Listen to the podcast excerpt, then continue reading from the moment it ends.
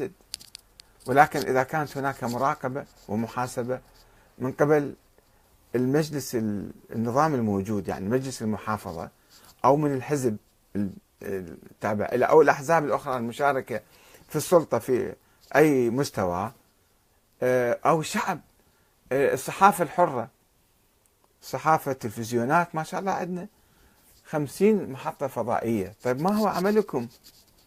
لماذا لا تراقبون المسؤولين وتحاولوا يعني تتبعوا أعمالهم وتشوفوا وتقيموا؟ في بعض الصحفيين يفعلون ذلك ولكن مو بعدين يجي وزير بعد ما يطلع من الوزارة وبعد ما يروح رئيس الوزراء أو بعد ما يروح ذاك المسؤول يقول والله أنا قلت للوزير وأنا عملت كذا وهو قال كذا وأنا قلت كذا. ما يفيد. لازم أنت في نفس الأيام نفس المسؤول في السلطة وأنت إذا عندك موقف تشرح الإعلام. عندنا إعلام كثير بس ما عندنا إعلام رسالي يعني إعلام إعلام على مستوى الطموح. يمكن في بعض الإعلاميين أو بعض هذا.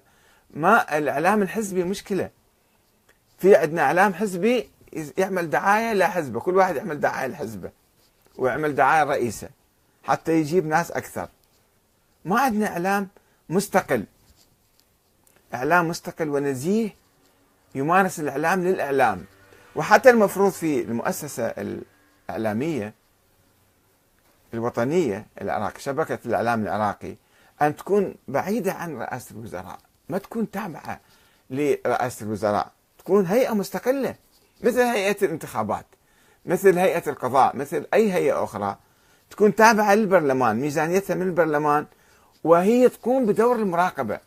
الإعلام الرسمي إعلام يعني آه، مو فقط يمجد أعمال آه، المسؤولين إنما هو عليه أن يقوم بالمتابعة والمراقبة والمحاسبة. حتى يحفظ آه، يعني يحفظ أموال الناس وحياتهم وحرياتهم. فماذا أنتم ترون؟ هذا رأيي أنه المفروض تكون شفافية في داخل المجلس الأعلى وفي كل الأحزاب. كل الأحزاب يجب أن تكون فيها شفافية وفي محاسبة وتعبر عن صوت الناس والناس يشاركوا في الأحزاب. ما تكون مغلقة ما تكون عصابة لذلك نظامنا الديمقراطي صاير فاسد. لو كان عندنا أحزاب حقيقية وأنظمة للأحزاب جيدة آه، ما كان يعني فشل نظامنا هذا الديمقراطي النظام الديمقراطي يوفر آه، فرصة أكبر